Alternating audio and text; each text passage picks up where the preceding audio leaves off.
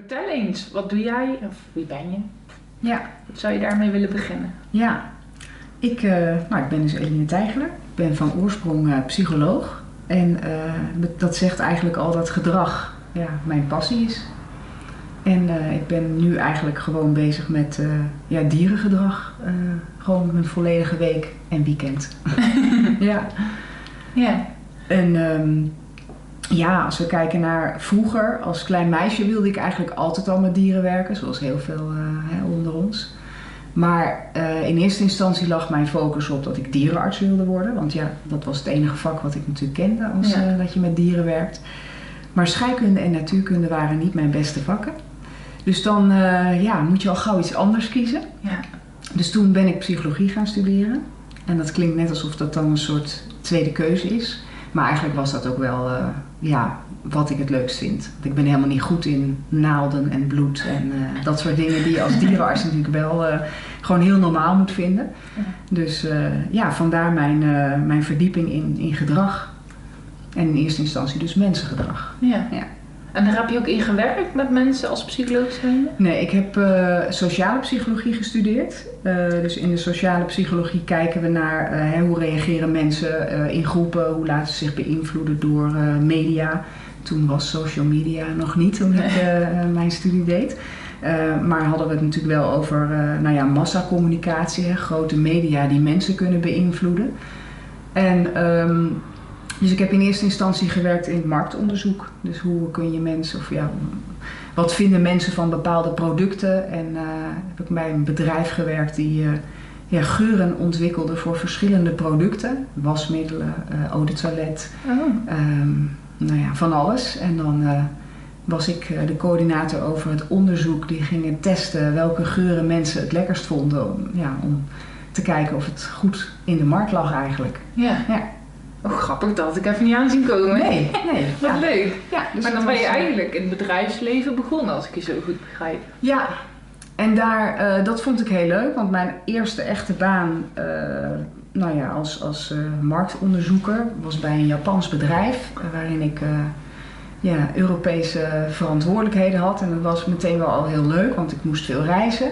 Maar eigenlijk was het ook meteen dat ik dacht, nee, dit is niet wat ik wil in het leven. Want ik, eh, weet je wel, in de winter ook, je gaat weg als het donker is, je komt terug als het donker is. En in het buitenland reizen, het lijkt allemaal heel leuk, maar je wacht veel op het vliegveld. En als je daar een paar dagen bent, dan ben je s'avonds uit eten en overdag aan het vergaderen. En ja, het, het, ik heb er heel veel van geleerd, maar het was voor mij echt wel een eye-opener dat ik dacht, ja, maar dit, eh, zo kan ik nooit dieren hebben. Nee. Als ik straks, eh, ja, als ik dat wil. Ja. Dat had ik van huis uit natuurlijk wel.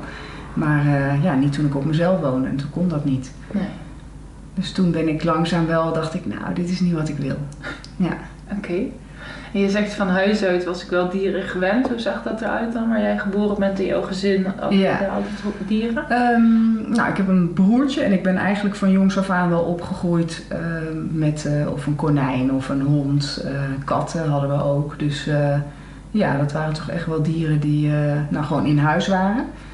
En ik ben, toen ik jong was als tiener, toen was ik eigenlijk een paardenmeisje. Dus toen had ik vriendinnen en toen hadden we verzorgpaarden waarmee we nou ja, ook wel rijden deden, maar ook wel gewoon tutten, borstelen en vlechten en eh, Ja. gezellig met de paarden zijn, zeg maar. Ja. Ja, herkenbaar. Ik ben ook een paardenmeisje. Nou ja, dus, dus, eh, ik helemaal. Ja. Oké.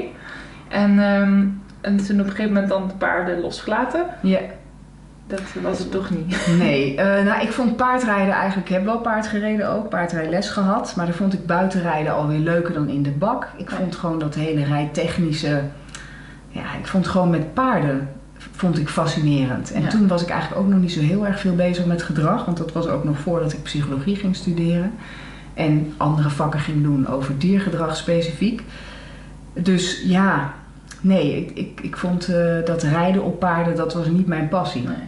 Gewoon ermee bezig zijn Ja. was leuk. Ja. Ja. En ja, paarden, als je een paard wil hebben, ja, dan moet je niet in een rijtjeshuis wonen. En eh, Nee.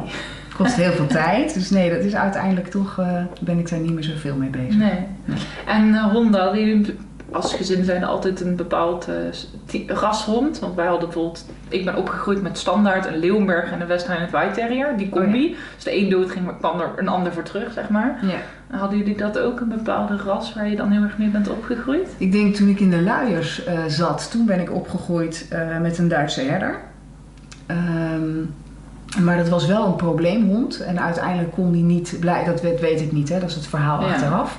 Maar ik heb wel allemaal babyfoto's waarin ik met een grote Duitse herder eh, zit. Ehm, dat was uiteindelijk wel nou, best wel een, eh, een, een agressieve hond voor visite, laat ik het zo zeggen, niet voor mij. Eh, die is uiteindelijk herplaatst bij iemand die heel veel, nou ja, waar de hond in ieder geval veilig voor omstanders kon, kon zijn. Ehm, toen is er een kokkerspaniel gekomen, dus wat een kleiner formaat. En daarna eigenlijk vooral tervurense herders bij mijn ouders. Oh ja. Dus ik ben wel, ja, toch wel met herders opgegroeid. eh, Ja. ja. In grote lijnen in ieder geval. Ja, precies. Die kokkerspaniel tussendoor, ja. Ja.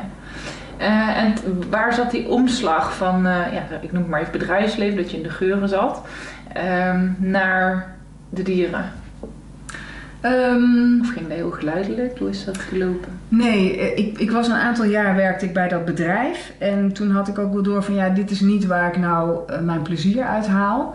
En toen was ik wel aan het kijken naar andere banen. Maar ja, als je gewoon keek naar ja, het werk wat ik deed, wat ik op zich ook wel leuk vond. Maar ik vond, in het bedrijfsleven vond ik heel erg moeilijk dat je toch altijd... Uiteindelijk draait het om verkopen. Ja. Dus ik deed Ideaal. onderzoek. Maar ik, ehm, ja, die, die cijfers die moesten wel, eh, ja, als er slechte dingen uit eh, kwamen, dan moest je dat nuanceren of weglaten. Ja, en dat paste toch niet heel erg bij mij, want ik ben wel graag van eh, ja, openheid en eerlijkheid. Ja. Maar dat is niet altijd handig als je een product wil verkopen. Eh, dus ik merkte wel van, ik dacht, nou ja, het, lukte niet per se om een andere, niet snel moet ik zeggen, om een andere baan te vinden. Dus toen heb ik eh, uiteindelijk wel eh, die baan opgezegd en ben ik gewoon via een uitzendbureau ben ik bij een school terechtgekomen. op de afdeling personeelszaken, omdat ik gewoon, ik wilde parttime werken, want dan kon ik met mijn andere vak en mijn studie aan de gang. En eh, dat ben ik daar eerst eh, gaan doen. Dat was, ja, dat was heel radicaal. Zo van, Ja. nou, ik ben het nu, ik heb er lang over nagedacht, Ja. maar ik dacht, weet je, als dit me geen energie geeft, hoe lang moet ik dan wachten tot er iets op mijn pad komt? Ja. En dat ga ik niet doen. Nee. Dus eh, toen ben ik daar gaan werken. Daar heb ik ook heel lang gewerkt, want uiteindelijk, eh, ja, als je in een wat grotere organisatie zit, krijg je ook de kansen. Hè? Als ze merken van, ja, je werkt lekker mee en, en je kan, je hebt bepaalde capaciteiten. Dus ik heb daar ook heel veel verschillende banen gehad. Ook weer linken met marketing en communicatie. Dat was, dat was heel leuk. Maar daar heb ik ook de kans gekregen om parttime te werken. En daarnaast dus mijn vak als eh, gedragstherapeut verder te kunnen uitbouwen. Want dat was je toen aan het leren, zeg maar, langs... eh, Ja, ik zit eventjes te denken of ik misschien toen al wel net mijn studie had afgerond. Ik denk dat het, dat het elkaar een beetje, eh, ja, dat het een beetje tegelijkertijd was. ja. Ehm, maar ik kreeg daar inderdaad de ruimte om parttime ander werk te doen. Ja. En eh, nou, als gedragstherapeut ben je natuurlijk niet meteen fulltime Nee. bezig. Dus dat was heel mooi. Ik had een vaste baan, vaste inkomsten. Eh, en nou ja, daarnaast ben ik eh, als, ge- als gedragstherapeut werkzaam gegaan. In eerste instantie voor honden. Oké. Ja. En hoe was dat? Ja, eh, leuk, want dat was natuurlijk wat ik leuk vond. Ja. dus eh, ja, dus toen dacht ik echt, nou ja, dit is, eh, dit is wel wat ik wil. En uiteindelijk werd ik steeds drukker. Ik heb mij gespecialiseerd in andere diersoorten, katten, konijnen. Ik werd steeds vaker als docent gevraagd of spreker op symposia. Dus op een gegeven moment was het gewoon te druk. Ja. Dat ik een baan had en ja, voor mezelf werkte, wat eerst nog maar minimaal was, maar op een gegeven moment gewoon ja, ook, ook een baan erbij werd. Ja. Dus toen heb ik op een gegeven moment de stap genomen om gewoon helemaal voor mezelf te werken. Oké. Ja. Spannend, denk ik ook. Want er zit bij honden nog... Ja, bij hondenprofessionals denk ik nog wel altijd... eh, het is een hobby, heel vaak, hè? Ja, ja. Nou ja, zo zie ik het niet, want het, ja, ik steek er heel veel tijd in. Ik heb er een opleiding voor gevolgd. Eh, eh, ik moet een nascholing doen, dus ik vind het echt een, een professie, zeg maar. Ja, nou zeker. Ja. En eh, ja, dus zo sta ik er ook in. En eh, ja, ik zeg altijd tegen mensen: je zou toch ook niet met je hond naar de dierenarts willen voor castratie als hij dat één keer in het jaar doet.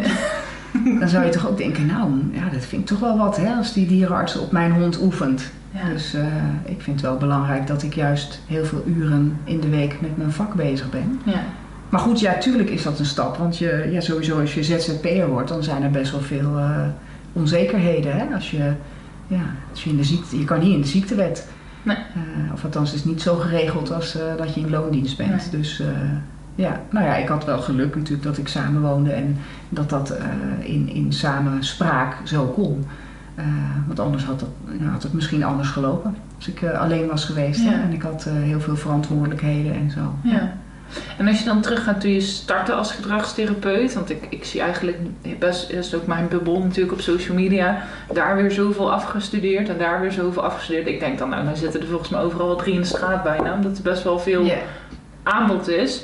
Maar eh, we- weinig die ehm, het druk hebben, of weinig, of je hebt een paar die het heel druk hebben, zeg maar. Ja. Maar het is niet voor allemaal vanzelfsprekend dat die klanten en die cursisten zo binnenkomen. Ehm, dus misschien leuk voor de afgestudeerde gedragstherapeuten die zitten te luisteren. Van hoe heb jij dat ervaren? Je bent dan afgestudeerd, je hebt heel die rugzak vol met kennis. Ja. Eh, er is vaak in de opleidingen, wat ik tot nu toe dan gezien heb, niet heel veel aandacht voor. En dan, zeg maar, hoe, Ja. hoe doe je dat verder? Eh, hoe heb jij dat aangepakt? Ehm, ja, ik werd ehm, eigenlijk al vrij snel eh, eh, heb ik mij aangesloten bij Tinley Gedragstherapie voor Dieren. Wat nu, eh, nou ja, onder andere met een aantal andere dames mijn bedrijf ook is geworden. Maar dat was toen niet zo. Dus toen ben ik gaan werken onder de vlag van Tinley Gedragstherapie voor Dieren. En dat gaf mij wel veel ja, voordelen. Ja, Dat ik onderdeel was van een organisatie. ja precies. Maar als ik kijk hè, naar heel veel startende gedragstherapeuten, dan zie ik toch wel heel vaak dat of het is zo dat de gedragstherapeuten eigenlijk nog niet zo heel goed zich realiseerden dat ze toch wel vaak te maken hebben met ja, alleen maar honden met gedragsproblemen. Dus ik merk ook wel dat soms mensen daar eigenlijk te- teleurgesteld van zijn. Hè? Want dan, eh, Ja. ja. weet je, je ziet, ik zie alleen maar honden met agressie of angst of eh, honden die, ik noem het even, vervelend doen. Ik vind het interessant en ik, eh, ik, ik vind het interessant dat ik eigenaren kan helpen om het gedrag te verbeteren. Maar ik merk wel dat er ook gedragstherapeuten zijn die zeggen: ja, dat is toch eigenlijk niet. Ik vind toch het lesgeven leuker. En het, eh, ook gewoon de vrijheid van de pupjes en de leuke gedragingen te zien. En die balans, eh, ja, ik heb dat niet nodig. Ehm, maar ik merk wel dat soms mensen daardoor afhaken. Maar ik denk dat misschien wel de belangrijkste reden is dat je best wel ondernemer moet zijn. Ja, Want het is niet zo dat je kan gaan solliciteren bij eh, ja, allerlei bedrijven die jou in dienst nemen en dat je, ja, je, je, bent ZZP'er, dus je moet ondernemen. Je moet zelf contacten mee onderhouden met dierenartsen en hondenscholen en instructeurs. En je moet je boekhouding doen en je verslagen en de telefoontjes. En Ja. het is best wel hard werken, dit vak. Ja. ja. En je zegt net ook al, hè, met- veel met agressie en angst te maken. Ehm, wat, wat kom jij veel tegen? Zou je daar iets over willen vertellen? Ja, Ehm, ja eh, honden die uitvallen naar eh, soortgenoten. Eh, honden die agressief zijn naar mensen. En dat kan zijn naar de eigenaar. Het is natuurlijk heel vervelend hè, als een eigenaar zich onveilig voelt in zijn eigen huis. Of naar de kinderen in huis. Nou, dat kan gewoonweg eh, gevaarlijk zijn. Maar er zijn natuurlijk ook eigenaren met minder grote problemen. Hè? Dus honden die trekken aan de lijn of eh, eh, honden die eh, de auto niet indurven. Dat kan best een groot probleem zijn natuurlijk. Er komt nu een kat In door het beeld. beeld. Ehm, honden die niet alleen thuis kunnen zijn, is denk ik een heel groot probleem. Vuurwerkangst, ja, noem het maar. Ja. Ja, dat zijn denk ik wel zo'n beetje Ja. veel voorkomende. Ja. En ehm, bijvoorbeeld agressie naar de eigenaar. Hè, dat zeg je zelf, dat raakt dan ook zo die veiligheid van die eigenaar. Ehm, is daar een top drie redenen van dat het ontstaat? Heb je, of, of een veel voorkomende reden waarom een hond agressie kan ontwikkelen naar de eigenaar? Ja. Ehm, heel vaak zijn honden wel, eh, voelen ze zich bedreigd. Ehm, maar het hoeft niet zo te zijn dat een, ja, dat een hond altijd vanuit angst agressie vertoont. Dus het kan ook gewoon zijn dat een hond iets heeft wat hij graag wil behouden. En dat een eigenaar ja, dat toch op een verkeerde manier traint om een bordje weg te pakken of om een, eh, een speeltje weg te pakken. En dat die hond eigenlijk leert, ja, ja jij komt elke keer met je hand daarbij en eh, dan wordt het weggepakt. Dus datgene wat ik belangrijk vind, dat mag ik niet eh, behouden. Nou, volgende keer dan ga ik Ja. nog harder grommen. Of ik Ja. ga zelfs ja, uitvallen. Of misschien zelfs bijten. Dus wat de eigenaar doet, kan een rol spelen. De situaties kunnen te maken hebben met dat een hond zichzelf wil verdedigen of een voorwerp wil verdedigen. Ehm, Maar ik, ik denk wat, wat ik vind wat eigenlijk onderschat wordt, is dat vaak wel wordt gewezen naar de eigenaar. Eh, en ik vind het echt belangrijk om gewoon ook te zeggen, de hond speelt ook een rol. Want er zijn honden die zouden nooit agressie vertonen naar hun eigenaar. dus er zit iets in de aard van het beestje, waardoor die in een bepaalde situatie, als een eigenaar zo reageert, overgaat tot dreigen, hè, grommen, tanden laten zien. Ja. eh, of misschien zelfs overgaat tot bijten. Ja. Maar er zijn honden die zullen dat nooit doen. Dus Nee. het ligt ook aan de hond. ja, en dan echt aan de individuele hond hoor ik jou zeggen ook niet per se dat dat dan in rassen zit, hè? Nee, dat hoeft niet. Alhoewel er natuurlijk wel rassen zijn die eh, makkelijker eh, tot agressie overgaan. Ja. Hè, dus, Lage ja, drempel. Precies. Maar er zijn zeker heel veel individuele verschillen binnen een ras. En natuurlijk ja, speelt socialisatie een rol. Waar komen ze vandaan? Eh, van wat, uit wat voor lijnen? Ja. We zien bij honden van broodfokkers, ja, zie je wel vaker agressie. Ja. Eh, maar dat heeft natuurlijk ook met socialisatie te maken en de oude dieren en welke ons- om- Ja. omstandigheden groeien ze op. Ja, want weet je daar iets over? Ik heb nou een ehm, artikel gelezen, maar ik vond de bronnen een beetje vaag. Dus ik dacht, ja, eh, maar ik voelde hem wel, zeg maar, want ik wist het van de paarden al een beetje. Dat eh gestreste sperma, om het zo maar te zeggen, dat als dat bijvoorbeeld uit het buitenland rond de vlucht heeft gemaakt, al gestrestere puppies zou geven, ehm, dan gewoon een, een ja, vrijwillige dekking, hè, in hoeverre dat dan gebeurt. Dus ik kan me voorstellen hè, dat ook in die kraamtijd een gestreste moeder eh gestrestere pups geeft. Angst, stress is natuurlijk dicht bij onzeker en angstige, eh, Ja. angst, angstigheid. Weet ik niet, angstiger. Ja. Ehm, he- heb, je, heb je daar een kijk op of heb je daar ooit iets over gelezen of weet je Ja. er iets van? Ehm, nou ja, er zijn wel heel veel onderzoeken gedaan hè, naar ehm, heel veel vervelende onderzoeken ook. Van dat ze bepaalde moeders die drachtig zijn, of dat dan gaat om varkens of ratten of honden, want daar zijn ook experimenten helaas mee gedaan. Eh, als die, die zich in bepaalde omstandigheden bevinden en heel veel stress of angst ervaren, of dat ze zelfs dingen doen bij die honden waardoor ze angstig worden, dat dat een grotere kans heeft op eh, angst en stress bij het nageslacht. Ja. Dus dat weten we gewoon van verschillende zoogdieren, ook van Ja. mensen. Dat ehm, eh, ja, sowieso een, een angstige moeder, ja, daar zijn meer stresshormonen en dat heeft effect op de dieren eh, in, in, de, in de baarmoeder of baarmoederhoorns. En, ehm, maar goed, die vader die kan natuurlijk ook een rol, eh, rol spelen. Hè? Ja. Wat, wat is zijn karakter? Hoe snel is hij gespannen of gestrest? Of Ja. wat is zijn aanleg voor angst? Dus genen spelen een rol, maar ook wel degelijk, ja, tijdens de dracht kan er veel gebeuren. Ja, en we weten natuurlijk ook hè, steeds meer, maar dat is een heel moeilijk gebied, eh, maar waar nu in de wetenschap veel meer naar gekeken wordt, is wat ze noemen epigenetica. Nou, ik ben daar ook niet deskundig genoeg eh, Ja. over, maar dus dat ervaringen van dieren en mensen, bijvoorbeeld een oorlogservaring of een zeer traumatische ervaring, uiteindelijk ook zo ja, het dier eh, kunnen veranderen, dat dat zelfs overgedragen kan worden aan het nageslacht. Ja. Dus niet eens als de moeder drachtig is, hè, ze maken een trauma mee. Maar gewoon eerdere generaties. Precies. En Ja, eh, dat dat ook. het toch, eh, en ja, weet je, en, ja, het is ook heel functioneel, want een mens in de oorlog, eh, Moet stress hebben. precies. En Ja. dan, dan heeft het nageslacht natuurlijk veel, die is alerter en die schrikt veel sneller en die kijkt voortdurend om zich heen. Ja, de kans op overleven is gewoon veel groter. Ja. Dus ja, die dieren uit de broodvolk, eh, ja, dat die alerter zijn is niet raar natuurlijk. Maar dan is het ook wel weer leuk. Hè? Jij zegt net, eh, de ene hond eh, voelt zich wel bedreigd door de eigenaar, de ander niet. Hè? Dus er zit ook iets in die hond. Ja, Dan kom je ook op het stukje, er zijn ook honden van de broodfok die gewoon eh, precies. als een blij ei open door het leven gaan. Absoluut. Inter- dat, wat is dat dan? Ja, nou ja, misschien zijn daar wel rasverschillen. Ehm, sommige dieren, ja, ik zeg altijd, maar dat is dan weer een voorbeeld van, dat is weer twee uitersten. Maar als je bij wijze van spreken een Labrador Retriever eh, vier maanden in een schuur laat opgroeien zonder mensen, eh, dan is de kans, eh, natuurlijk zal die in het begin angstig zijn. Hè. Als hij uit die schuur komt, moet hij wennen. En het is net buiten een bepaalde socialisatieperiode, dus het is niet handig.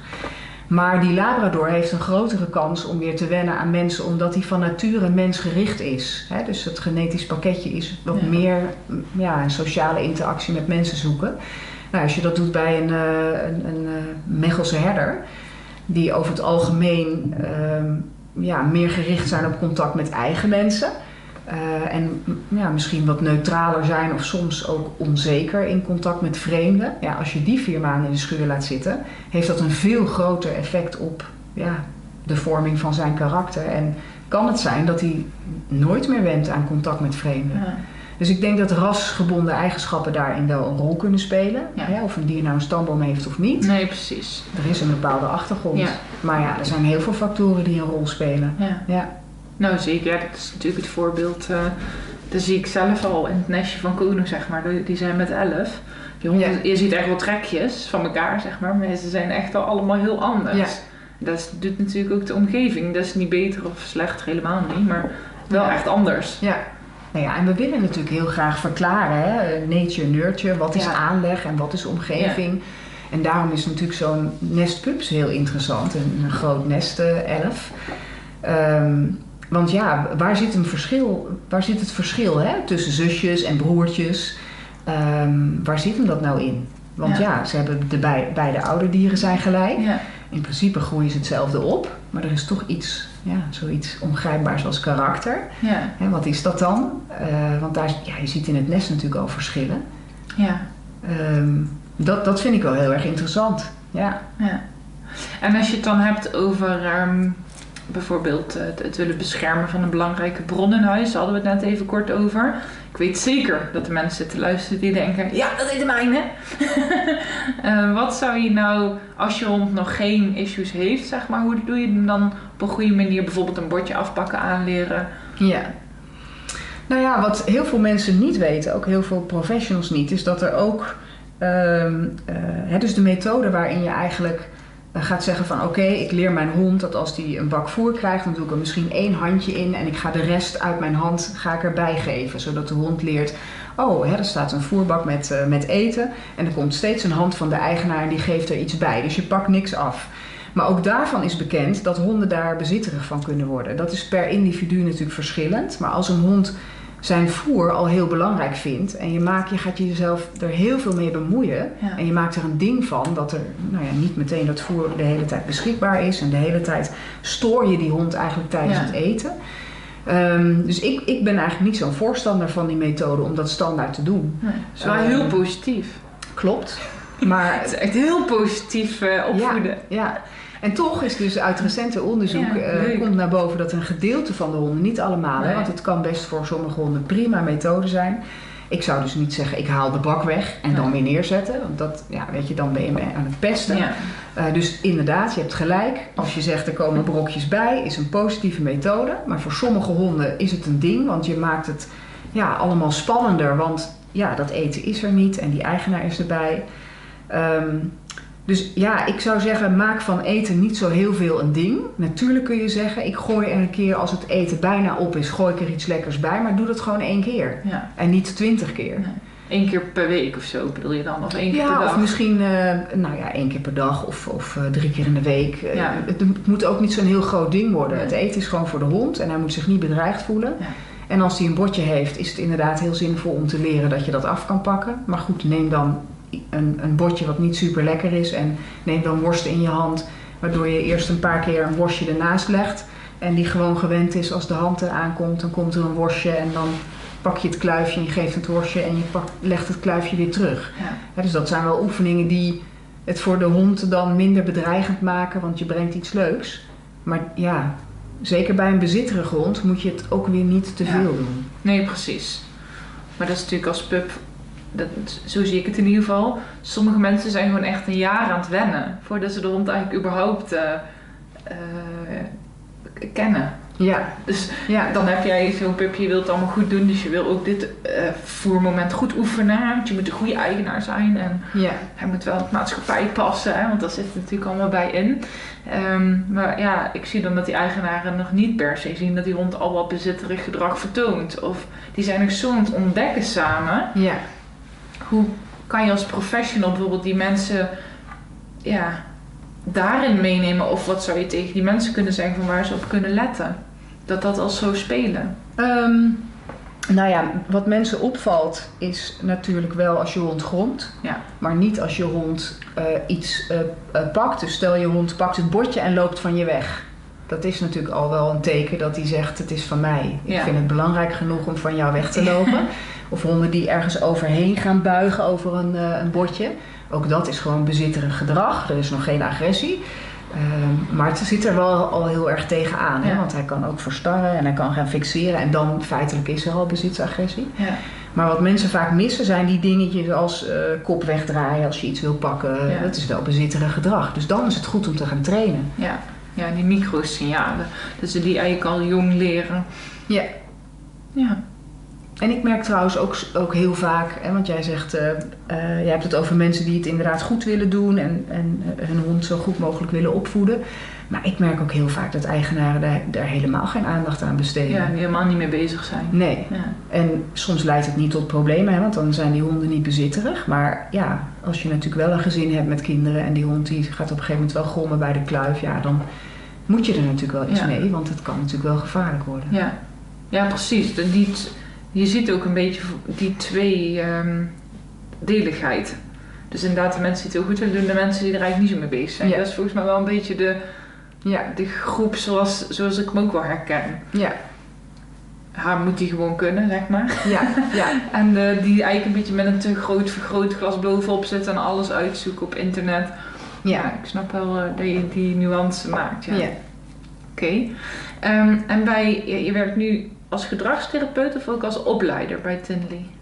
Ik werk bij Tindy Gedragstherapie voor Dieren als gedragstherapeut. Ja. Ehm, en ik ben natuurlijk bezig met ja, het bedrijf, hè, het aansturen van de therapeuten. ja, misschien moeten we even uitleggen wat Ja. is. Want Ja. ik weet natuurlijk wat Tinley is, maar... Ja, Tinley is een organisatie die, ehm, eh, ik weet niet eens of het nou 1996 of 1997 is, maar daar goed, ergens. daar ergens lang geleden is opgericht door eh, Debbie Reiners. En ehm, eerst was het eigenlijk vooral een gedragstherapieorganisatie. Eh, maar daarnaast is Tinley toen ook een opleidingsinstituut geworden. Een gedragstherapie. Dus daar konden mensen als overkoepelende organisatie waar gedragstherapeuten werkten. Moet ik het Klopt. zo zien? Oh, ja. Ja. ja? Ehm, nou, dat is het nu nog steeds. Alleen het zijn nu eigenlijk twee gescheiden bedrijven. Dus je hebt nu nog Tinley Gedragstherapie voor Dieren. Daar werken gedragstherapeuten, hè, waar eigenaren contact mee kunnen opnemen.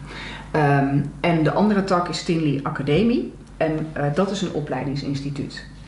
En daar werk ik wel als docent ook. Oké. Dus eh, ja, dat is voor mij ook wel heel leuk. Want aan de ene kant krijg ik heel veel eh, ervaring en kennis van mijn klanten natuurlijk ook. Hè. Zij hebben te maken met dieren met gedragsproblemen. Ja. En vervolgens geef ik les eh, aan opleidingsinstituten over nou ja, mensen met een hond of een kat met probleemgedrag. Ja. Aan studenten die in de klas daar graag meer over willen leren. Ja. Dus dat is wel een leuke combinatie. Nou, zeker. En, ehm, ehm, ik het zeggen? Wat vind je het leukste aan, zeg maar, docent zijn? Ehm, ik vind het leukste aan docent, en dat is met name wel, want ik geef vooral les in het volwassenenonderwijs. Dus dat betekent dat daar mensen in de klas zitten die ja, interesse hebben natuurlijk in mijn verhaal. Hè. Dat is wat anders als je in een brugklas een lezing geeft. Eh, dan lukt dat wel hoor, voor 30 minuten, maar daarna Ja, ja. wordt het wel moeilijker. Ehm, maar dat betekent dus dat er heel veel mensen zitten met de... Ja, we hebben een gezamenlijke interesse. En die zitten daar eigenlijk als sponsen... eh, ja, zitten ze die informatie op te nemen. En natuurlijk hebben ze hun eigen referentiekader. Dus daar komen dan soms vragen van... Nou ja, wat aansluit bij hun beleving, ervaring in het asiel... of, eh, of bij een dierenartspraktijk. Ehm, maar dat vind ik wel het leuke. Dat zij echt geïnteresseerd zijn in diergedrag. Net Ja. zoals ik dat eigenlijk heb. Ja, Dus dat vind ik als docent heel erg leuk. ja, leuk. En want jullie leiden op als kilo's instructeur, had ik even snel gekeken, maar ook als gedragstherapeut. Alleen voor katten en eh, konijnen. Ja, niet van honden. Nee, want eh, eigenlijk eh, toen Tinley Academie begon, eh, was Doc Vision er ook al. Ehm, en ehm, ja, Doc Vision en Tinley Academie hebben ook heel veel samengewerkt. Bijvoorbeeld in de opleiding tot kinologisch instructeur. Dus het was ook heel logisch dat wij niet hetzelfde als Doc Vision gingen doen. Nee. Dus eh, nee, Ja. wij hebben wel nascholingen over hondengedrag, maar niet eh, de opleiding voor hondengedragstherapeut. Nee. Oké, leuk. En ehm, als je dan, want dat, eh, daar, ben ik dan een beetje ingedoken. Toen ik dus ook klaar was met mijn kilo's instructeur. De verschillende opleidingen. Je hebt dan Dog Vision inderdaad. Ehm, je hebt nou ehm Anne Lunda. Ja. Er zijn best wel wat, Martin Gauws natuurlijk die ook opleidt. Ja. En dan eh, ik ben dan zo'n miep, ik ga dan tabellen zetten hoeveel lesdagen van wie heb je les en dan de prijzen. Ja. Maar het verschil. Ja. En dan krijg ik dus wel stagiaires, ja, waar zou ik nou eens de opleiding gaan doen? Nou, ik weet het oprecht niet. Ik vind het zo'n groot verschil in, ehm, in, in eh, aanbod, zeg maar, hoe lang je les krijgt, maar ook in de onderwerpen en ook in dan de prijs. Ja. Ehm, ja, maar ja, ik, ik denk wel dat de basis van heel veel opleidingsinstituten gelijk is. En dat, eh, en dat, dat er dan misschien een verschil in visie is of aanvulling die ze lesgeven, waardoor er verschillen kunnen zijn in het aantal dagen. Ehm, misschien moet ik toelichten, maar ik ben naast mijn eh, huidige werkzaamheden zit ik ook in de commissie eh, van de Raad van Beheer, eh, eh, die zich bezighoudt met eh, ja, het accrediteren van opleidingen voor eh, kinologisch instructeur. Oh ja. Eh, ik zie mijzelf een beetje als een adviseur als het gaat om de, om de inhoud eigenlijk. Ehm, al voordat ik dat deed, had de branche eigenlijk eindtermen opgesteld van ja, wat zijn nou eigenlijk eisen waaraan een kinologisch instructeur moet voldoen. Hè? Ja. Dus wat voor kennis moeten ze hebben om mensen les te geven op het veld ehm, met een puppy of een volwassen hond om bepaalde dingen aan te leren. Ja. En ehm, ja, dus dat betekent eigenlijk dat de opleidingsinstituten eh, in Nederland die er nu zijn en die jij net eh, noemde, die hebben eigenlijk allemaal wel eh, dezelfde basis. Maar ja, er kunnen dus verschillen zijn in het aantal dagen, omdat Ja. de een er extra dingen bij doet of een andere visie heeft. Maar de basis, ja, die is wel Ja, gelijk. precies. Ja, dus dan is het meer inderdaad op, op, op specifieke eh, thema's of Ja. waar ze dan op inzoomen of, of het langer duurt en waarschijnlijk dan de prijs. Ja, Oké, dat doe je er ook nog bij. ja, maar ja, goed. ja. Ja, dat is wel leuk. Ja. Maar het is ook tevens moeilijk, want dat is ook hetgeen, ehm, hoe moet ik het zeggen?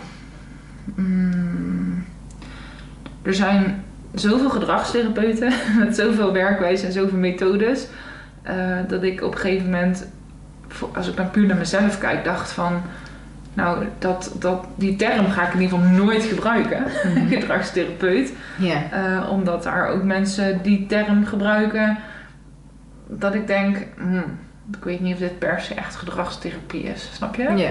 Ja. Dat is dan wel mijn oordeel natuurlijk over diegene. Ehm, maar wat in mijn ogen dan niet zo heel erg hondvriendelijk is, en die dan wel bijvoorbeeld heel Dogvision hebben afgemaakt en netjes naar de nascholing gaan, maar wel iets anders uitdragen. Dus in hoeverre is dat papiertje dan voor de eigenaar? Daar gaat het dan om. Hè? Hoe weet je nou als eigenaar Ja. nog of het een vriendelijke manier is of een minder vriendelijke manier? Want ze dragen allemaal dezelfde term gedragstherapeut. Ja, nou ja, ik denk dat. ehm, het is natuurlijk geen beschermd beroep en dat heeft ook gewoon met wettelijke eisen te maken, hè, waardoor dat niet, niet kan. Eh, dat geldt overigens ook ehm, eh, voor ja, als je. Want wat heb jij nou voor opleiding gedaan? Ik ben kinologisch instructeur Ja. en ik heb eh, de bij, heel veel bijscholing gedaan. Dus gedragscoach, hondencoach, Ja. eh, pijn bij honden, angst bij honden, eh uit van de honden bij Monique Bladder. Gewoon heel veel erbij. Ja, ja, ja. Ehm, maar als je even kijkt naar, naar het vak van, van gedragstherapeut eh, en ja, wat voor labels je er dan ook aan, eh, aan geeft. eh, maar dat geldt voor heel veel ja, humane hulpverleners Ja, ook. zeker. Ik kan eigenlijk gewoon op mijn deur zetten dat ik heb dokterandus Eline Ja. Tijgeler, psycholoog, en dat mensen zich bij mij kunnen aanmelden. Maar ik, heb, ik ben helemaal niet afgestudeerd als klinisch psycholoog Nee. of, of gezondheidspsycholoog. Betekent ook dat ik mij niet kan, eh, eh, dat ik helemaal niet vergoed word door eh, verzekeraars. Hè, als jij voor jouw mentale toestand hulp zou zoeken bij mij. Ja. Ehm, en ik denk ook dat, nou, het is natuurlijk hetzelfde misschien, daar weet ik niet genoeg van, maar wel als je kijkt naar een advocaat, als die een Ja. rechtenstudie heeft voltooid, de ene advocaat is de ander niet. Nee. Ja. Dus ik, ik denk dat het daarnaast ook heel belangrijk is, we moeten wel kijken naar, naar opleidingen, maar daarnaast ook naar, naar nascholingen en ook naar ervaring. En natuurlijk zijn er dan eh, verschillen in, ja, misschien visie, ehm, eh, wat iemand doet. Maar Ja. niet iedereen met een diploma is even goed. Maar dat, dat geldt Ja, natuurlijk dat voor elk elk vak. vak. Ja, dat is zeker waar. Ja. Nee, dat is zeker waar. Alleen ik denk in de dierenbranche dat ja, in de dierenbranche is iets gewoon wat sneller hobbymatig. Hè? Of je vraagt Ja. het aan je buren. Eh, Want ja, die hebben al eh, tien jaar honden. Herders. Of, precies. En ehm, ja, dat ja, is als je herders ben, hebt, nou dan zal je wel veel van probleemgedrag weten. Dus ja, En dat is niet dat wij een hekel hebben aan herders. We houden nee hoor. ervan. Ja, zeker. Krijg ik weer veel comments. Ja, nee, nee, ik vind herders heel erg leuk, absoluut. Eh, en ja, het wil helemaal niet zeggen dat andere honden, eh, die zijn ook hartstikke leuk. Ja. Maar ik vind alle honden leuk Ja, hoor, zeker. En ik vind ook alle, alle honden die misschien, want we hebben het nu, we noemen nu probleemhonden. maar het, is, het gaat natuurlijk gewoon om een hond die gedrag vertoont waarvan een eigenaar dat als probleem ervaart. En, ehm, nou ja, en soms een hond ook, hè? Want eh, Ja. als een hond angstig is, dan is dat wel echt een vervelend probleem voor de hond ook. Ja, zeker. Maar goed, toen zijn we helemaal afgeleid van de oorspronkelijke vraag die Nee, dat had. maakt niet uit. Want dit vind ik wel heel interessant. Maakt niet uit, we gaan gewoon door. Want dit, dit vind ik wel interessant. Eh, want dat hoor je dan heel vaak. eh, er ook een paar die nou best wel zichtbaar zijn, denk ik, op social media. Die dan zeggen, hé, je moet zelf... Als jij nou zelf gewoon rustig doet... Vooral niet stress doen. Heeft het 40 uur gewerkt, twee jonge kinderen. Ja. Vooral niet stress doen. Adem in, adem uit. En dan ga je lopen. Ja. In hoeverre heeft de hond invloed? Of jij invloed met je gemoedstoestand op die hond? Of... Nou, ik denk soms wel. Alleen laten we dat eerst testen. Ja. Want nu zijn het van die standaard adviezen waar zo'n eigenaar, wat jij zelf zegt, ja, die eigenaar is misschien nerveuzer dan iemand anders. Eh, dus ja, het is net als eh, hè, dat mensen dan zeggen met uitvallende honden, ja, maar dat komt omdat je de riem eh, opbost. Hè? Je, houdt- je maakt hem korter, want jij ziet al die hond en daardoor gaat hij uitvallen. Ja, test dat eerst eens. Hè? Als je het lijntje lang laat, valt hij dan niet uit. Ja. Ehm, tuurlijk is dat dan iets waar je wat mee kunt. Maar dat wil niet zeggen dat dat de enigste oorzaak is. Hè, die hond valt ook vaak uit om een andere reden of vertoont bepaald gedrag. Eh, dus dat is weer wat ik net zei, dat wijzendje, wijzende vingertje naar die eigenaar. Ja. En ik vind juist, we moeten wel respect hebben voor die eigenaar. En sommige mensen eh, ja, zijn heel goed om, om eh, dit te doen en anderen zijn weer goed om dat te doen. En ja, je moet ook wel kijken welk advies past bij een eigenaar. Ja. Ik vind wel dat het, eh, het moet respect voor mensen en dier zijn Ja. als we bezig zijn met hondengedrag. Ja. Nou ja, zeker. Dat, dat kan ik zeker beamen. En ook ergens in de middenweg. Ehm, bijvoorbeeld nu ehm, had ik het laatst nou weer zo'n mooi voorbeeldje. Een eigenaar die eigenlijk wat langer slaapt. Morgens nou een pup in huis van een maand of 4, 5. Die vroeg komt. die moet echt ontlasten al vroeg. Kijk, dan kan je wel zeggen, ja, die hond moet er dan gewoon uit. En in het kader van zindelijkheid. Maar die eigenaar heeft natuurlijk ook een bepaalde behoefte. Ja. En eh, ik, ik vind het altijd kunst om dat een soort van bij elkaar te brengen. Ja. Ehm, niet alleen de hond zien, maar ook de eigenaar. Ja. Ja, ben ik met je eens. Ik denk Ja. dat het heel belangrijk is, want het vergroot de kans dat de adviezen worden uitgevoerd en dat het lukt. Ja. En kijk, ergens zijn natuurlijk wel grenzen. Hè? Dus als er, eh, ja, als er ergens iets gevraagd wordt waarvan je weet, ja, dat is voor, de, voor dit, dit diersoort op, in deze leeftijd gewoon niet haalbaar. Ja. Ja, dan moet je natuurlijk wel als deskundige Ja. kunnen zeggen van ja, maar dat is onhaalbaar. Ja. Maar als het even lukt, is het natuurlijk altijd mooi om. eh. Heb je dat ooit gehad, dat iets echt onhaalbaar was dat je dat moest uitspreken? Ja, ik heb wel eens een eigenaar gehad die eh, een hele waakse hond had. En eigenlijk de wens had dat de voordeur gewoon open moest kunnen blijven staan. Oh. Want ze woonde ergens aan een, eh, een hele rustige, eh, hoe noem je dat, zo'n woonerf. En daar reden ook geen auto's. Alleen er fietsten en liepen wel mensen voorbij, want het was een, ja, het was een doorgang naar een park. En dit was echt een waakse hond. Dus die hond rende naar buiten en ging blaffend eh, naar mensen toe en naar de fietsers. Die, eh, en het was ook gewoon echt een hond die bestond uit een kruising van rassen die ja, daarvoor gewoon gefokt voor was. Ja. Dus deze eigenaren die... Hij was heel goed aan het werk eigenlijk. Ja, precies. Het was gewoon echt zijn talent. Zijn rasgebonden talent. En, eh, de, maar de eigenaar wilde eigenlijk echt gewoon... De, ja, we willen hem graag trainen dat die deur open kan blijven staan. En dan ook geen hekje hè, daartussen. Oh ja, gewoon echt, hij moest zijn mond houden en hij mocht er niet naartoe rennen. En natuurlijk eh, kan ik dan... Ja, natuurlijk kan ik gaan zeggen... Nou, we kunnen echt eh, heel goed gaan trainen. Maar goed, die hond moest het ook doen als de eigenaar er niet bij was. Oh ja. Dus het was echt... Ja, het was gewoon een onhaalbaar doel. Ja. Ehm, maar dat wil niet zeggen dat ik, gewoon, dat ik dan zeg nee, dat kan niet en dat ik weer wegga. Want kijk, je kan ook eigenaren inzicht geven. Hè? Wat kan wel? En als ze dan eigenlijk snappen waarom een hond iets doet, ja, dan lukt het ook heel vaak om eh, de situatie zo aan te passen dat die deur af en toe wel open kan blijven staan. Ja. eh, maar die hond niet eh, de mogelijkheid heeft om naar buiten te rennen. ja. Maar dat hij weg uit zichzelf. Weg toch het hekje dan, denk ik. Ja, Ja. je zult ergens iets moeten. En, en natuurlijk trainen dat hij sneller stopt met blaffen. En dat is allemaal haalbaar. Ja. Maar ja, niks doen en het hekje open houden en de deur open houden Ja. en verwachten dat hij het uit zichzelf goed doet, ja, dat eh, niet. Nee. Nee. Dus jij zat daar in de voordeur open. Kijk, dat doet hij nou. Ja, dat dacht ik wel, zei jij. Ja. ja. Ja, oké. En je dipte net ook al eventjes aan, eh, ik denk dat dat de- bij mij de meest gestelde vraag is die ik in mijn mailbox ontvang, inderdaad uitvallende honden. Ja. Ehm, in mijn beleving zijn ze er meer dan ooit, maar dat kan ook zijn dat het nu mijn bubbel is. Ja. Eh, hoe is dat voor jou? Ehm, ik weet niet. ehm, ik denk, ik- ben al in 2002 als gedragstherapeut begonnen. En toevallig ehm, ben ik alle oude dossiers aan het vernietigen. Want dat moet hè, van de AVG. Eh, maar ja, dan zit je steeds te kijken van... oh, wat voor proble- problemen had ik toen? En ook daar waren uitvallende honden. Dus ik weet niet of het meer is of dat we er meer van horen... of omdat we er meer last van hebben... omdat eh, er meer honden eh, op een vierkante meter wonen, om maar zo even te zeggen. Ja. Ehm, ja, aan de andere kant, ehm, misschien komt het wel meer voor, omdat mensen toch het idee hebben dat eh, als je honden maar goed socialiseert, dat ze altijd sociaal blijven naar andere honden. Dus dat, eh, dat het ook eh, misschien een ja, gebrek aan kennis klinkt heel groot, maar toch ja, minder inzicht in wat honden normaal doen. En er zijn natuurlijk heel veel honden waarvoor het heel normaal is als je een soortgenoot tegenkomt die je niet kent, om dan te gaan blaffen. Ja, ja ook nog. Is voor heel veel honden normaal hondengedrag. Ja. Dus dat is dan eh, dat er onvoldoende inzicht is in wat normaal hondengedrag is. Ehm, maar ja, misschien komt het wel veel meer voor. Ik, ik, weet, Ja. ja. ik, ik weet het. En maar ze- hij zit voor mij ook ehm, alsof dat als hond uitvalt, dat het dan falen van de opvoeding is voor de eigenaar. Ze oordelen zo hard dan ook ooit naar zichzelf. Van, eh, Ja, kijk, de buurhond doet niet, mijn wel. ja.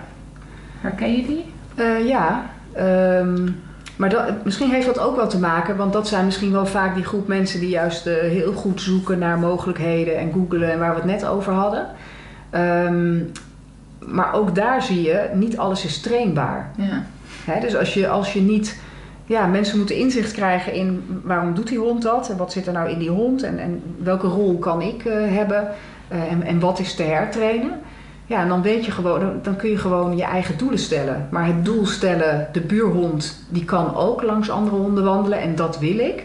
Ja, dat is voor sommige honden een onhaalbaar doel en dat geeft heel veel frustratie. Ja.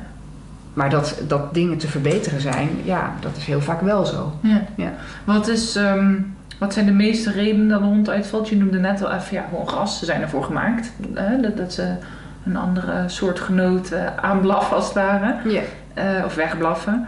Heb je nog andere redenen die je, wat er aan de grondslag kan liggen? Ja, nou ja, angst kan natuurlijk een rol spelen. Hè? Angst of onzekerheid. Ehm, ehm, maar soms ook, wat ik wel vaker zie, is dat mensen vinden dat hun hond uitvalt. Maar dat er eigenlijk sprake is van, ja, ik noem het maar even opwindingsblaffen. Een hond die eigenlijk heel graag naar andere honden wil. Ehm, maar hij zit aan het lijntje en hij kan daar dus niet naartoe. Eh, en misschien is er in de opvoeding is het ook wel gebeurd dat hij aan het lijntje eh, al blaffend naar een andere hond mocht om te spelen. Dus daar al een beetje heeft geleerd, oh een andere hond, die vind ik superleuk en daar wil ik naartoe. En vervolgens kom ik daar ook al trekkend en blaffend.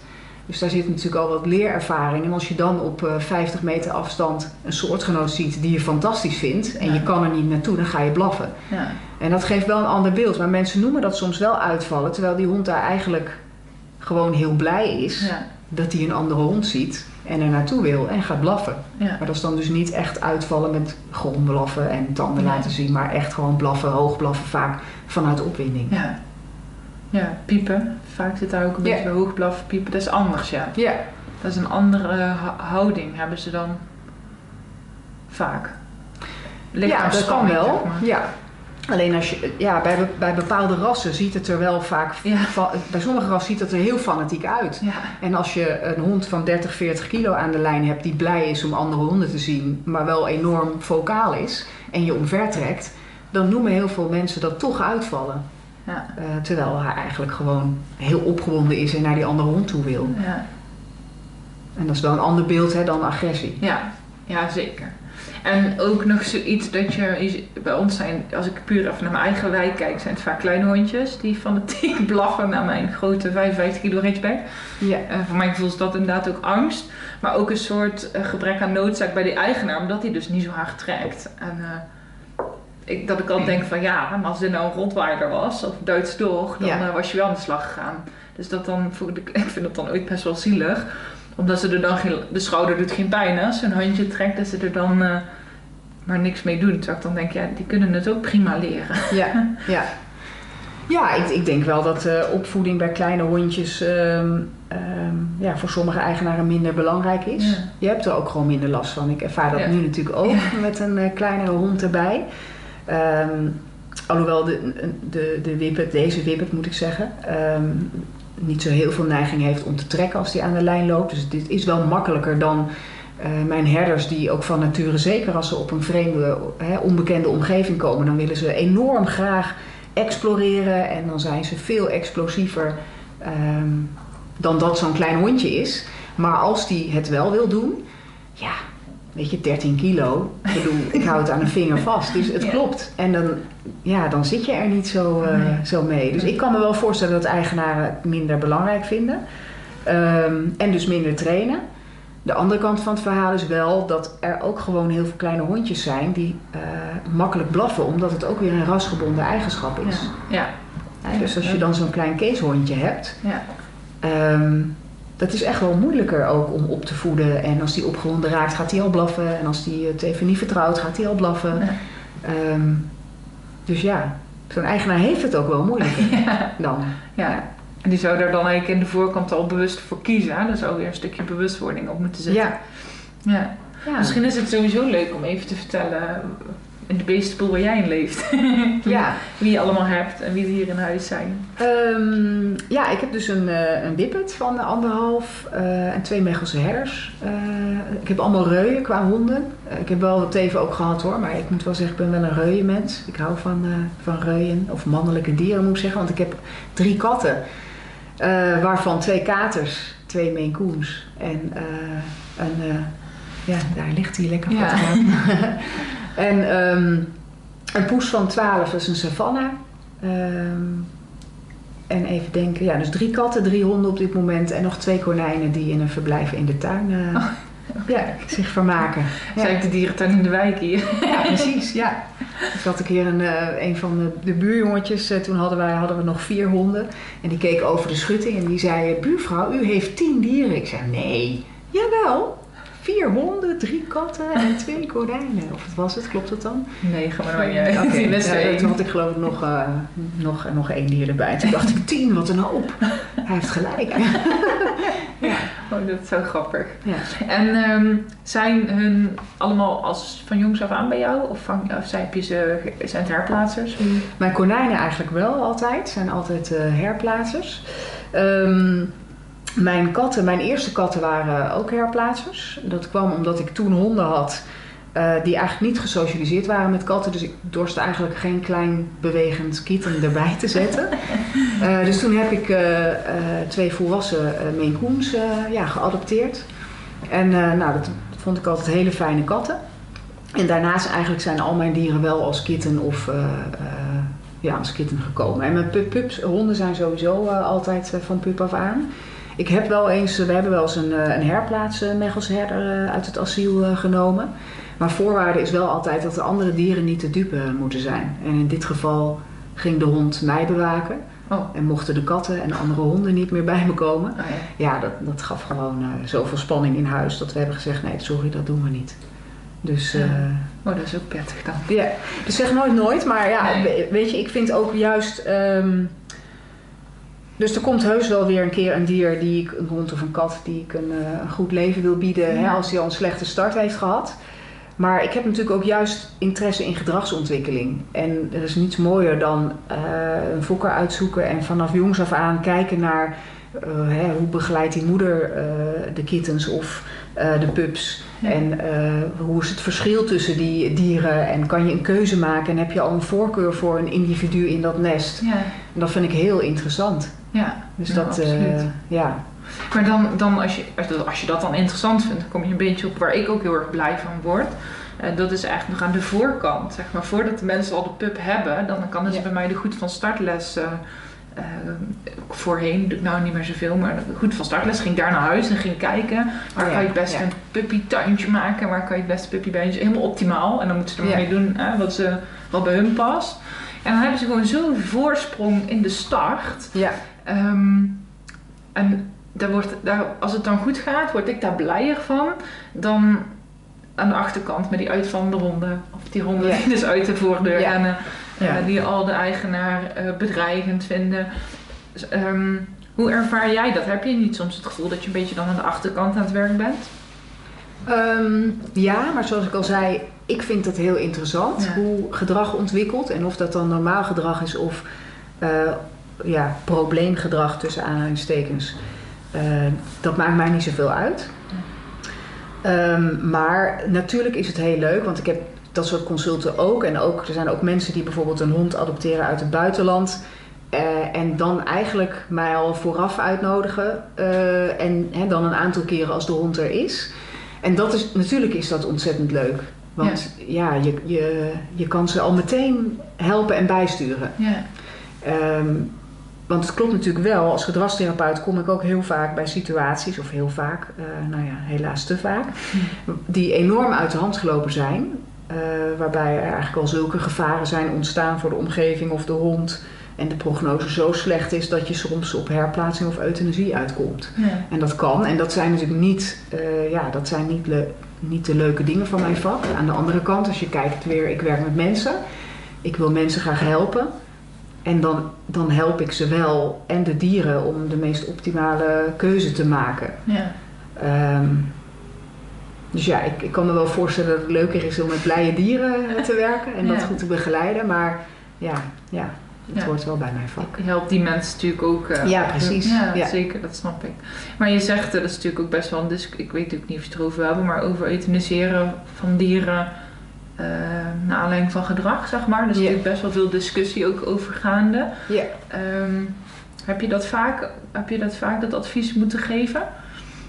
Ja, ik heb wel. ehm, nou ja, ik ben natuurlijk al heel lang gedragstherapeut, Ja. dus ja. En, en met name, eh, ik ben gestart als hondengedragstherapeut, dus daar heb ik natuurlijk de meeste klanten in. Maar ondertussen ook al heel veel jaren eh, katten. Ehm, maar ja, ik heb zeker eh, honden en ook katten gehad die vanwege gedragsproblematiek eh, uiteindelijk toch eh, zijn ingeslapen in overleg met de dierenarts en de eigenaar uiteindelijk. ja. Ehm, maar daar, daar moet natuurlijk wel goed gekeken worden. Wat is het gedrag? Hè, hoe ernstig is het voor de omgeving, voor de hond? Nou, vaak gaat het dan inderdaad om dieren die... ehm, of gaat het om agressie, hè? dus honden die zodanig hebben gebeten dat er schade is geweest. En ja, eh, ik heb geen moeite om uiteindelijk samen met de eigenaar en de dierenarts hè, dan eh, euthanasie te overwegen. Als je Ja. weet hè, van ja, deze situaties kunnen niet beïnvloed worden, kunnen niet voorkomen worden. Ehm, moet je dan een hond gaan herplaatsen die al meerdere slachtoffers heeft eh, gemaakt? Ja. Of moet die levenslang in het asiel verblijven omdat hij dan eigenlijk lukt het gewoon niet om bepaalde honden met een bepaald rugzakje ehm, te, ja, een nieuwe plek voor te vinden? Ik vind een levenslang verblijf in een asiel eh, voor een hond vind ik welzijnsverminderend. Hè, Ja. Dus dat, ehm, ik denk dat euthanasie soms eh, een mooie oplossing kan zijn om een lijdensweg te besparen voor eh, de, het dier zelf en Ja. de mensen in de omgeving. Ja. Maar ik, ik, het is wel een zorgvuldige besluit. Hè? Het is niet iets wat je zo even. Nee. Nee, en er is waarschijnlijk ook wel aan vooraf gegaan met eerst kijken of het, of het wel te veranderen is natuurlijk.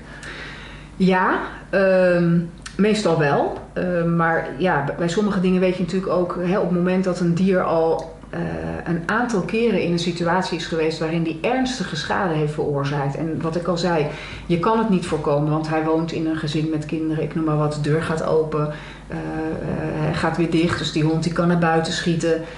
Ehm, dat zijn allemaal randvoorwaarden waar je rekening mee moet houden om te kijken van ja, kan deze hond herplaatst worden en heeft hij dan inderdaad kans op, op training, hè, dat het beter gaat en dat je het onder controle kan houden, dat je mensen veilig kan houden. Als dat kan, ja, dan Ja. moet je daar natuurlijk voor gaan. Ja.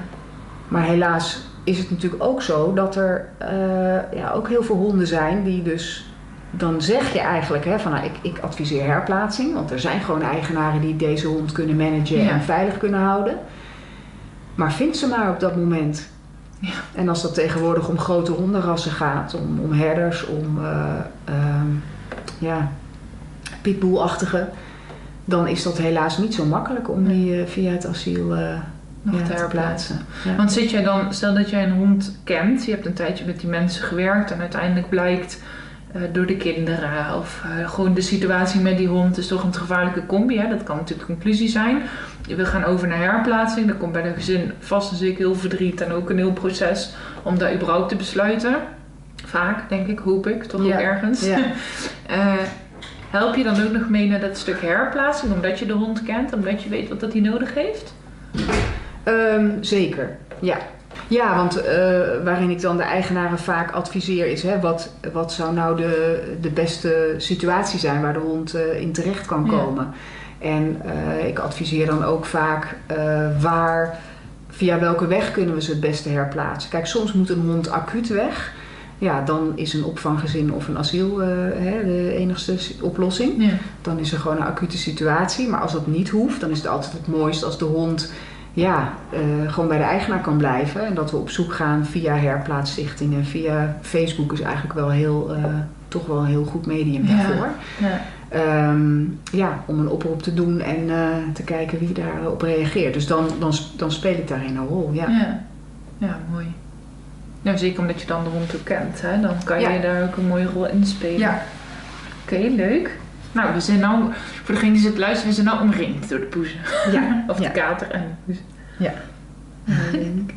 En wat vind je nou, zeg maar, van heel de week, want je doet echt verschillende dingen, hè? de raad van beheer, eh, als docent. Ja, Tinley is nou ook jouw bedrijf, zijn nog. Dus, Ja, Tinley gedragstherapie, ja. Oké, Ja. dus niet de opleidingskant. maar Nee, de niet andere. de opleidingskant. Oké, Ja. En dat, doe je, dat is jouw bedrijf, doe je met meerdere? ja, met de drie andere dames hebben wij dat in, eh, nou dat weet ik niet uit mijn hoofd, een aantal jaar geleden overgenomen. Dus dat is eh, ja, een hele leuke nieuwe wending. Ja, Ja. superleuk. Ehm, en dan nog gewoon de consulting, hè? dat doe je ook nog, eh, Ja. wat- ik begrijp. Wat vind je nou, waar word je gewoon sparkling, zeg maar? Wat, wat, wat, wat- wat vind je allerleukst om te doen in een week? Het gaat mij echt wel om de combinatie. Want eh, lesgeven is heel leuk, dat geeft heel veel energie, maar het is ook best wel, het kost ook veel energie. Hè? Als je echt een hele lesdag eh, staat te praten en eh, staat ja, af te stemmen op wat de, de luisteraars willen horen, ehm, dat zou ik niet de hele week kunnen doen. Nee. Nee. Dus Respect voor alle docenten. zeker, heel veel respect voor alle docenten in het, in het onderwijs. Ja. Ja.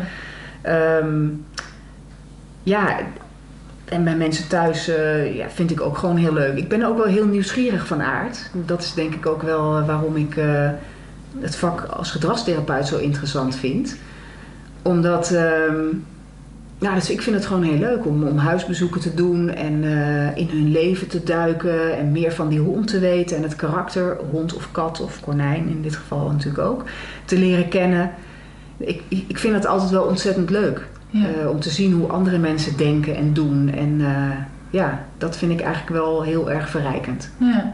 ja, dus ook wel echt die afwisseling, die variatie vind je dan ook gewoon eh, prettig. Ja. En als je dan kijkt naar ehm, hoe jij, heb jij pakketten of zo? Dus ik kom bij jou, mijn hond valt uit in een andere ronde. Koop ik dan een pakket van een half jaar of hoe werkt dat? Ja, Eh, wat wij hebben, we hebben een aantal consulten. ehm, afhankelijk van, kijk als er één probleem is, dan kunnen we gewoon met een normaal consult van anderhalf uur kunnen we een analyse maken, eh, adviezen bespreken. En eh, dan gaan mensen aan de slag, krijgen ze een verslag en dan hebben we standaard drie maanden ja, coaching. Ehm, het ligt er wel aan, kijk als mensen echt met trainingen aan de slag moeten, dan zijn dat dingen die aanvullend zijn. En het hangt natuurlijk ook van het aantal problemen af. Kijk, als honden of katten meerdere problemen hebben, dan kan het zijn dat we zeggen: ja, maar dat redden we niet in een normaal consult. Hè. Ja. Dan spreken we of twee consulten af of een uitgebreid consult. Dus het, het hangt af eh, van de klant, zullen Ja. we zeggen, en wat de klant wil. Ja. Ja. En die drie maanden coaching, dat is dan dat ze jou ook nog wekelijks zien of dat is middels bellen, video? In, eh, eh, normaal gewoon, eh, want dan gaan ze zelf de adviezen uitvoeren als ze dat kunnen. Hè, want anders gaan we adviseren, adviseren om ook privétrainingen te geven. Maar in eerste instantie bijvoorbeeld bij verlatingsangst. Ja, mensen moeten zelf die stapjes uitvoeren. Dus dan kunnen we heel goed wekelijks of tweewekelijks via de app, mail of telefoon kunnen we evalueren. Ja. Filmpjes sturen. Ja, hoe doe je het? Hoe ziet het eruit? Gaan we nog het stappenplan volgen of doen we er stapjes tussen? Dus dan kan je dat heel goed zo bespreken en monitoren. Maar dat is anders met uitvallende honden. Ja. Dan adviseer je toch eigenlijk heel vaak wel eh, ja, trainen, samen trainen. eh, om de kans op slagen te vergroten. Ja. Ja. En kom je dan ook wel eens tegen dat jij een analyse maakt, adviezen uitgeeft en nooit meer iets hoort? Dat je echt denkt, wat zijn ze nu aan het doen? Ehm, nou, soms dat probeer ik te verkleinen door eh, wel zelf ook eerst uh, belafspraken met uh, eigenaren te maken. maar dat gebeurt natuurlijk wel dat eigenaren of een gedeelte uitvoeren of ja, dat, dat kan. Ja.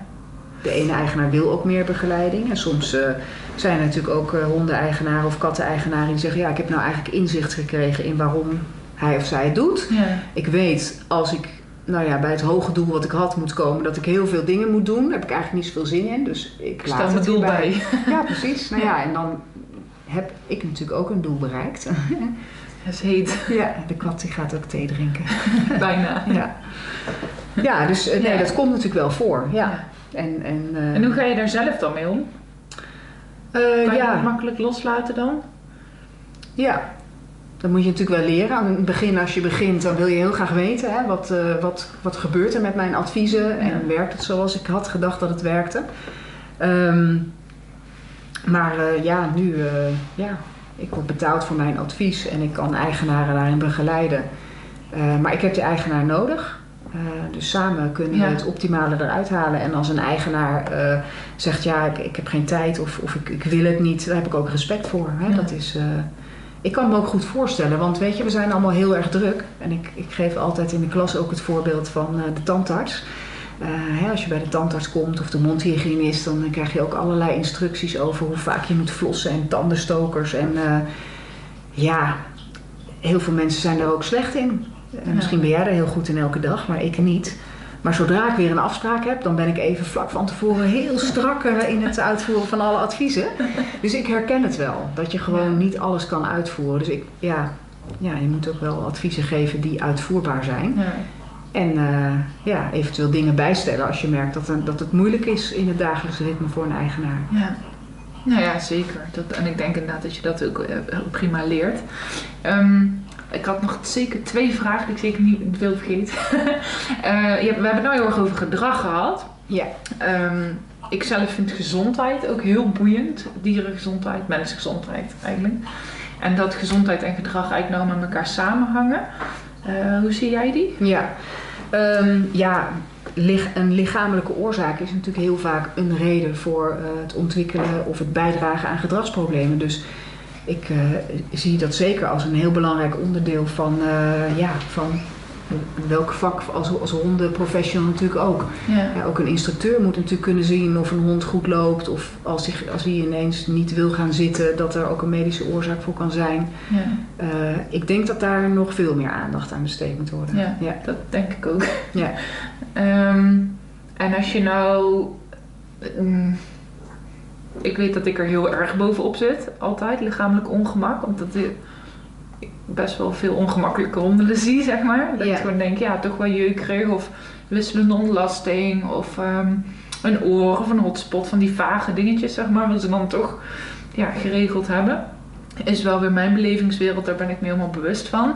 Ehm, dus ik weet dat ik er soms de mensen zeggen, Amber, hij is gewoon gezond. weet je wel. Ehm, maar zie jij dat soort dingen ook? Zo die vage klachten bij honden? Ja, en, en ehm, daarom denk ik ook dat het altijd belangrijk is om zo goed mogelijk eh, te blijven overleggen met de dierenarts. Eh, want wat ik vaak merk is dat eigenaren wel degelijk eh, of contact hebben gezocht met de dierenarts of naar de dierenarts zijn geweest. Ehm, alleen dan is het altijd zinvol om te kijken van ja, wat, wat is er gecheckt? Hè? Want in een consult van 10 minuten wordt er natuurlijk een algemene ja, Ja. eh, check gedaan. Er wordt niet gekeken hoe een hond loopt. Ehm, er wordt niet standaard bloed getest. Eh, er, zijn, er zijn soms ook geen aanwijzingen voor. Nee. Een eigenaar weet ook niet altijd welke symptomen die moet vertellen. Ehm, dus ik zie heel vaak dat honden dus inderdaad gezond worden verklaard op basis van het, de onderzoeken die er zijn gedaan. Ja. Maar dat wil niet zeggen dat andere onderzoeken andere dingen zullen uitwijzen. Alleen, ja, het is niet altijd makkelijk. Ik snap ook, je gaat niet eh, meteen eh, alles onderzoeken. Nee. En eh, dat is natuurlijk ook een hele grote kostenpost. Ja. Maar ja, er zijn wel heel veel dieren niet gediagnosticeerd met iets wat wel meespeelt in fysiek ongemak en gedragsproblemen. ja. En bij honden is dat zeker zo, maar bij katten is dat nog veel meer zo. Oh ja, die nieren. Dus, of ja, daar denk ik dan meteen aan. Maar veel katten met Ja. nierenuitdagingen. Ja, maar ook eh, heel veel plasproblemen. Wat gewoon wordt gezegd, ja, dat komt omdat de baby er is. Of eh, Oh ja. hij heeft stress, we zijn verhuisd. eh, maar bij onzinnelijkheid moet gewoon altijd urineonderzoek gedaan worden. En moeten eigenaren en ja, professionals zich realiseren dat als een urineonderzoek goed was, dan is dat een momentopname. En dat sluit niet uit Nee. dat er niks met de urine, de blaas of de nieren is. ja. En dat, ehm, Nee, precies. Dus als het water uit de kraan goed is, wil niet zeggen dat de kraan goed werkt. ja, Dat is een beetje het idee, toch? ja, Ja, dat het mechanisme het goed doet. Ja. ja, en soms ook gewoon, je, je meet iets aan de hand van een test. En dat is een momentopname, maar er zijn ook andere testen. Ja. We hebben bijvoorbeeld een kat die eh, een blaassteen heeft, die, hoeft die kan normale urine hebben. Ja. Dus als je alleen een plasje laat onderzoeken, wil dat niet zeggen dat die helemaal oké is. ja, precies. En dat zijn dingen die. ehm, maar ja, dan ben ik al super blij hoor dat een eigenaar een plasje laat onderzoeken. Ja. Want er zijn natuurlijk er zijn best wel veel katten die in het asiel terechtkomen vanwege onzindelijkheid. En die zijn nooit onderzocht door de dierenarts. Oh. Dus dan worden ze daar onderzocht en dan wordt gezien dat ze blaasruis hebben. En dan worden ze voor blaasruis eh, gaan ze op een dieet en ze krijgen Ja. eventueel een pijnstilling. En dan eh, zijn heel vaak problemen ook over. En dat is natuurlijk wel heel jammer. Hè? Dat, Ja. eh, En komt dat dan omdat de katten te weinig drinken? Ja, nou ja, het wordt wel gezegd natuurlijk. Hè? Eh, kijk, katten zijn natuurlijk oorspronkelijk. ehm, kunnen ze daar ook wel iets beter tegen. Hè? Want eh, heel veel vocht krijgen ze ook wel uit hun prooi. Maar ja, we geven katten andere, andere voeding. Ehm, dus ja, eh, veel drinken is wel, eh, is wel belangrijk. Ja. Maar dat doen ze niet eh, makkelijk. Nee. Heb jij daar een uitgesproken mening over? Dat brok- en vers vlees verhaal over voor katten of voor honden? Ehm, nee, ik, ik heb nergens een uitgesproken mening over. Omdat, en dat is wel een uitgesproken mening. Ehm, omdat ik vind ja, heel veel discussies daarin gewoon te zwart-wit. Ja. Ik denk dat. ehm, ja, de, de waarheid ligt in het midden, zeg ik altijd. En dat geldt eh, denk ik ook voor, eh, ja, voor brok- en vers vlees discussie. Wat ik overigens eh, ja, als gedragsdeskundige niet hè, voldoende kennis van heb om daar inhoudelijk over te discussiëren. Eh, maar ik heb er natuurlijk wel veel mee te maken, ook met mijn klanten die me daar vragen over stellen. Eh, maar er zijn natuurlijk katten die doen het prima op brokken. Ehm, maar goed, ja, als ik kijk naar mijn eigen katten, dan eh, probeer ik wel sowieso ervoor te zorgen dat ik één maaltijd heb waarin ik nog extra water bij toevoeg. En dat is dan wel vaak natvoer, want dan kun je makkelijker zeggen ik doe er extra water bij. Ja. Ja. Ja. En, ik heb nou eh, een vriendin, die heeft zo'n fonteintje in huis gehaald. Nou, die katten drinken in één keer veel. Dat Ja. stromende water schijnt Ja. ook wel echt te stimuleren. Ik weet het alleen van haar, dus ik durf niet te zeggen dat dat dan voor alle katten Ja. werkt. Maar ze zijn natuurlijk wel... eh, ze, een- als er al een dode muis ligt, gaan ze die zeg maar niet zomaar opeten. hè. Ze willen, een kat is wel van het levend zelf. Ja. hè, Een hond die eet gewoon viezigheid, zou ik maar zeggen. Ja. Kat niet, die wil Nee. wel. Ja. Ja, alhoewel katten ook wel dode muizen en Ja. kuikens. Als je ze zo uit de vriezer haalt en je Ja? gooit ze, dan eten ze het wel hoor. Niet alle katten, maar eh dat Sommige. kan wel. Doe jij dat ooit? Eh, mijn katten krijgen wel eens een kuiken, ja. Dat Oh, vinden ze fantastisch. Ja? Ja, die meppen ze dan door de tuin en dan op een gegeven moment gaan ze hem opeten. En dat vinden ze, heel, ja, vinden ze wel heel lekker. Want als, de een, als ik in de buurt kom, dan kunnen ze gaan grommen. Nou, dat doen ze niet als ze gewoon eten krijgen. De kattengrommen, ja. ja, Ja, ik weet echt niks Ja. van katten. Ja, nou, katten kunnen dat ook doen. Ze doen dat natuurlijk minder dan honden. Maar eh, ze kunnen dat eh, zeker doen, ja. Oké, interessant. Ehm, ik krijg heel veel vragen. Ik krijg een kitten of ik heb een kat. Ik krijg een pup. Hoe begeleid ik dat goed? Nou, dan zeg ik, dat weet ik niet. ja, ik kan wel van alles bedenken met hekjes en... eh, Ja, maar hoe, doe je daar veel mee in dat prille begin? eh, ja ehm, ik kom natuurlijk ook wel eens aan de achterkant, zoals je net zei. Ja. Als het al mis is gegaan. Ehm, maar er zijn zeker ook mensen die eh, mij vooraf vragen. En, of als toevallig net een week in huis is en ze denken, oh dat gaat niet helemaal goed. ja. Dus dan ben ik er ook nog heel vroeg bij. Dan is het waarschijnlijk altijd dat de hond achter de kat aangaat. Of Ja, zie je ook wel eens iets anders? eh, nou op zich zijn er wel katten die een hond aan kunnen vallen, maar dat komt minder voor.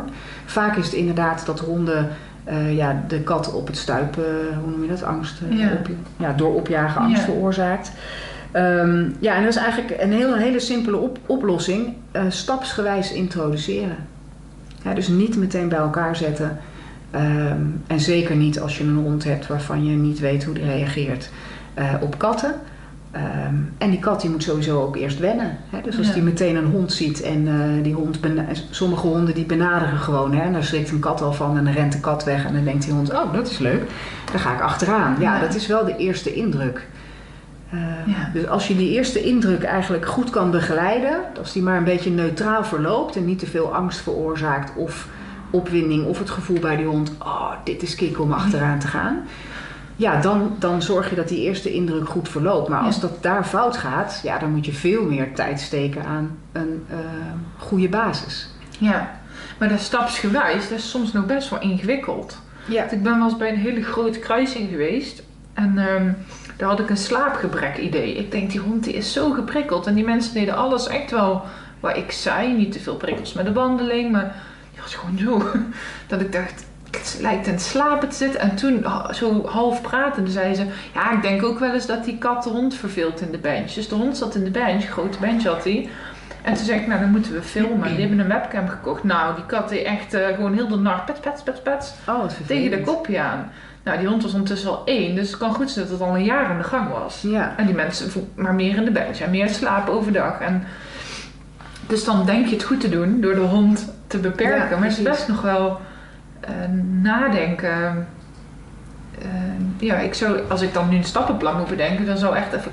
Ik denk, ja, hoe dan? Want als je een hekje doet, een puppyrennetje bijvoorbeeld, dan kan die kat er alweer in. Ja, precies. Dus bij katten, kijk, bij kittens kun je wel wat met een traphekje of een, of een Oh ja. horretje. Maar eh, ja, al na een paar maanden springen ze daar gewoon overheen. Dus in dit geval gaat het om een volwassen kat. Ja, dat betekent dat je deuren moet sluiten of een hoordeur moet doen. Oh ja. Waardoor eh, de kat geen toegang heeft. Ja. Ik vraag me wel af, het klinkt wel heftig hè, als een kat de hele nacht bezig is om die hond lastig Ja, te nou, het is meer. Dan sprong die op die bench van een. Oh, van ja. een eh, hoe heet het? Tafel? Ja, hoge bureau. Nee, een eh, barretje. Ja, Zo kang op zo'n metalen bench. Dus dat was ink. Ja, Op, daar lag gewoon een vliesje op, maar dat maakte gewoon lawaai. Ja. Die hond schrok zich te pletten. ja. Dan deed hij even pets pets en dan ging die, hond, die kat gewoon nachtdier rennen door de woonkamer. ja. Dus het was niet de hele nacht pets pets. Het Nee. was vooral gewoon die kat was wakker en aan het spelen. En die nam die hond daar gewoon lekker in mee. Nee, Zo meer, maar voor de, ik denk dat het vanuit de hond wel het beste was. En het zal misschien niet heel nacht geduurd hebben, maar de stukjes die ik dan te zien kreeg, dacht ik, ja, dit is wel ingewikkeld. ja. Ja, Ze zijn uiteindelijk wel de deur dicht gaan doen, maar ja, dan denk je het goed te doen voor je katten. Om die hond dus 's nachts in ieder geval te begrenzen dat je er geen zicht op hebt. Maar ja. ehm, ik vind het eh, nog wel een sport, omdat de katten overal zo tussen en in en overheen kunnen. ja. Die zet je niet zomaar achter een rennetje, zeg maar. Nee, eh, nee, katten zijn eh, wat dat betreft veel driedimensionaler. Sommige honden trouwens ook hoor, die klimmen ook overal op. Eh, zeker. maar goed, de meeste honden die blijven toch wel op de grond en Ja. niet over een traphekje. Eh, dus de- ja, dat klopt. Ja. Maar, is het dan dat je de, zeg maar die allereerste ontmoeting, ehm, de- stel de hond is er al en je wil een kitten, laten we even dat voorbeeld nemen. Dan neem je de kitten in zo'n bak bijvoorbeeld mee naar binnen. Maar dan zit die kat ook heel erg opgesloten. Precies, dus meestal zeggen we eigenlijk ehm, hè, van nou zet eerst dat kitten gewoon in een aparte kamer met kattenbakje, eh, eten, drinken. Want soms durven ze daar niet eens uit het mandje te stappen. Hè, dus niet meteen blootstellen aan die hond. Maar eerst kijken of die in de kamer contact met jou wil maken en stoer is en, en speels. En als, als die daar oké is, ja, dan weet je dat je een nieuwe, nieuwe situatie kunt gaan eh, toevoegen. Zoals een hond die ineens ergens benadert Ja. of misschien wel een blafje gaat doen. Hè? Ja. Dus vaak zeggen we bij een kat, eh, hè, want voor honden is het wel vaak makkelijker om in een nieuwe ruimte te komen dan voor katten. Dus vandaar dat we eigenlijk adviseren, doe een kat eerst in een kamer, zodat Ja. je weet dat hij daar Een relaxed veilige is. haven creëer je dan Precies. waar die naar terug kan. Ja, en pas dan ga je zeggen, oké, eh, dan gaan we even, ergens zetten we een hekje neer of een horretje, hond aan de lijn, zodat de hond niet zomaar naar die kat toe Ja. beukt, rent, eh, hem laat schrikken. Eh, en, dan kan, en die kat zelf het tempo laten bepalen. Ja. En katten gaan niet, meestal als ze, de, hu- als ze het huis nog niet kennen, al meteen over een hekje springen om een Nee, hond aan te klopt. vallen. Dat doen ze niet. Nee, nee, nee. Dus die kat, een tijger in huis. Precies. dus die kat die blijft wel op afstand Ja. en, en je leert die hond gewoon eh, hey, dat ze naar elkaar kijken en die hond Ja. wordt beloond voor rustig gedrag. Ja, en dan ligt het aan het karakter van beide dieren. Ja, Ja, is die kat heel bang, ja, dan moet je veel langer laten wennen. ja. Eh, maar is die kat heel stoer omdat hij misschien is opgegroeid bij de fokker met honden, Ja, dat, dat, eh, dat heb ik hier ook gehad. Mijn, mijn eh, katers die komen bij een fokker vandaan. Die zijn opgegroeid met grote Oh, honden ja. ook. Dus het, het probleem was de introductie met mijn poes. Want voor katten is het niet zo natuurlijk om een territorium met elkaar te delen. Dus dat duurde veel langer. Maar de, bij, tussen de honden liepen ze al vrij snel. Want ze hadden zoiets van, oh jou ken ik niet, maar je, ziet eruit als een hond. Dus nou ja, weet je, dat was even voorzichtig. En eh, dat is gewoon binnen een dag geregeld. Maar samen met eh, deze, deze kat, die poes, die ik hier op schoot heb. eh, ja, dat heeft wel echt weken geduurd voordat Ja? ze echt samen konden. En hoe heb Ja. je dat hier geregeld, gemanaged dan?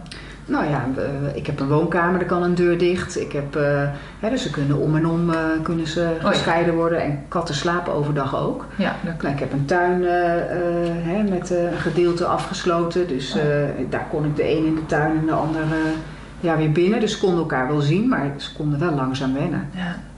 Ja, dat, dat klopt. Dat is een geregel. Maar Ja. goed, daarmee voorkom ik stress. En.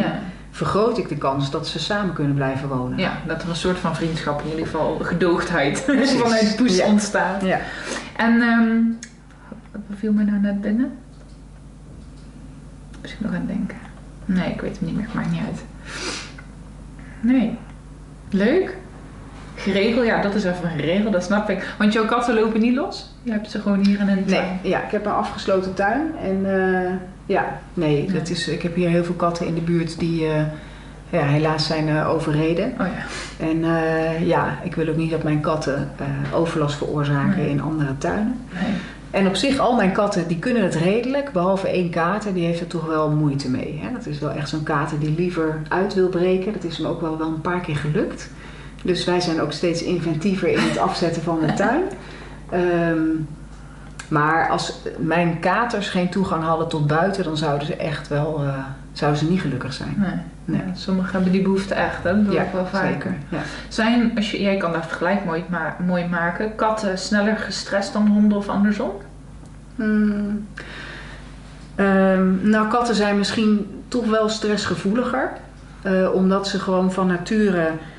Ehm, ja, zijn het territoriale dieren die ehm, niet gewend zijn om hun omgeving met veel anderen te delen. Hè? Dus dat betekent dat we ze best wel houden onder moeilijke omstandigheden. Eh, Ja. En we, we beperken ze. Hè? Ze moeten of binnen blijven, of tenminste niet alle katten gelukkig. Ehm, maar ja, als ze wel buiten komen, dan kunnen ze andere katten tegenkomen. Want ze wonen misschien in een stad. Ja. Ja, dus eh, ik denk dat katten wel stressgevoeliger zijn qua diersoort. En ook onder moeilijkere omstandigheden gehouden worden. Ja. En honden zijn natuurlijk gewend om met ons mensen en meer gebonden aan mensen dan aan een omgeving. Ja. Ja, dat denk ik zeker ook. Dat heb ik zelf ervaren. Mijn zus die kwam na een eh, relatie thuis wonen met een kat. En eh, toen gingen we in die tijd ook verhuizen. Dus mijn zus mee, die kat mee. Maar dat was een paar straten verderop. Ja, die kat liep gewoon de hele tijd echt nog lang terug naar het oude huis. Ja, oh, dat was ook dichtbij. Ja, dat was Ja, echt maar een oh paar ja. straten. Nou, die showde gewoon, ja, dan werden we weer gebeld. Jullie, die kat zit hier. Een beetje zo. Ja. Oké. Ehm, ja, dan heb ik eigenlijk altijd nog zo'n beetje een eh, afrondende vraag. En dat is, eh, heb jij bepaalde mensen die jou in jouw loopbaan of in jouw levenspad eh, heel erg geïnspireerd hebben? Eh, ja, nou ja, eh, ja, uiteraard. Ik denk heel veel mensen. Maar in, in het bijzonder denk ik wel Debbie Reinders, de oprichter van, Ja. van Tinley. Ehm, zij en, en heel veel andere mensen ook hè, staan een beetje aan, de, aan de, ja, de voorkant van alle opleidingen. Want toen waren er nog geen opleidingen. En ehm, ja, zij inspireert mij omdat ze gewoon met meerdere dieren bezig is en altijd zich afvraagt eh, ja, of er ook andere verklaringen kunnen zijn. En dat vind ik wel heel eh, ja, inspirerend eigenlijk. Ja. Ja. Oké. Nog meer namen? Of is zij de hoofdlijn? Eh, nee, vind ik heel moeilijk. ja. Ja. Dus ook als ik het zo vraag, dan is het altijd even...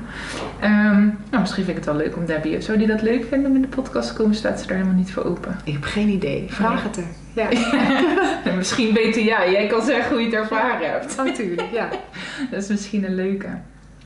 Hebben wij, eh, heb jij zelf nog iets wat je echt wilt zeggen of wat we niet besproken hebben? Of heb je binnenkort een lezing of een workshop waar je graag eh, nog even een praatje voor wil geven? Of een zegje of een datum? Nee. alles besproken. Ja. Niks van nog moet. Nee, nee, ik denk. eh, nee, ik vind het altijd belangrijk om genuanceerd te zijn, maar dat heb ik denk ik eh, ge- gezegd. Ja. Dat er meerdere kanten zijn aan een verhaal. En eh, de kant van de eigenaar, maar ook de hond. Dus Ja. niet, ja, nee, ik denk wel dat dat eh, voldoende aan bod is geweest. Ja, Ja. leuk. Misschien nog wel een leuk afsluit. Als ik nou eh, spring met, eh, springt, ja, spring met de binnen. Ehm, wat zou nog iets zijn wat je hondenprofessionals mee wil geven? Waardoor de wereld een beetje mooier wordt. Ja, ehm, ja, ik denk dat het belangrijk is voor alle hondenprofessionals om respect voor elkaar te hebben. En ehm, eh, het, het, ook, eh, ja, echt ons vak ook als een leerproces te blijven zien. Hè? Dus je bent nooit uitgeleerd, eh, maar je moet ook wel ervaringen blijven maken. En dat is wat ik dan soms mis. Hè? Dus dat mensen best wel nou ja, geen respect hebben voor collega's en uitspraken doen waar ze eigenlijk zelf helemaal geen ervaring in hebben. En dus ja, dat vind ik als professional heel belangrijk. Zorg voor eh, dat je je blijft ehm, verbreden in je kennis. Want wat je nu leert, hè, als je tien jaar ervaring hebt, is dan je haalt andere dingen uit de nascholing nu dan dat je tien jaar geleden zou doen. Ja. En daardoor blijf je gewoon in ontwikkeling. En de ervaring die je vervolgens weer opdoet, omdat je, ja, je- met een open blik overal naartoe kijkt. En eh, ja, ook over dingen durft te praten waar je, waarvan je zelf misschien denkt, eh, nou dat is, dat is niks, dat past niet bij mij. Maar ja, uiteindelijk is het heel leerzaam. Ja. eh, om over andere dingen te hebben waar je misschien afkeer voor hebt of wat dan ook. eh. ja. Ja. Of alleen al te horen. En dan je Nou ja, mening. precies, Ja. tuurlijk. En tuurlijk mag je een mening hebben of een visie. eh, alleen op het moment dat je daarin heel sterk gaat, dan krijg je toch wel, het wordt heel extreem. En dan krijg je oogkleppen en dan wordt het een zwart-wit verhaal. En dat vind ik gewoon heel jammer. Ja. Daar is niemand bij gebaat.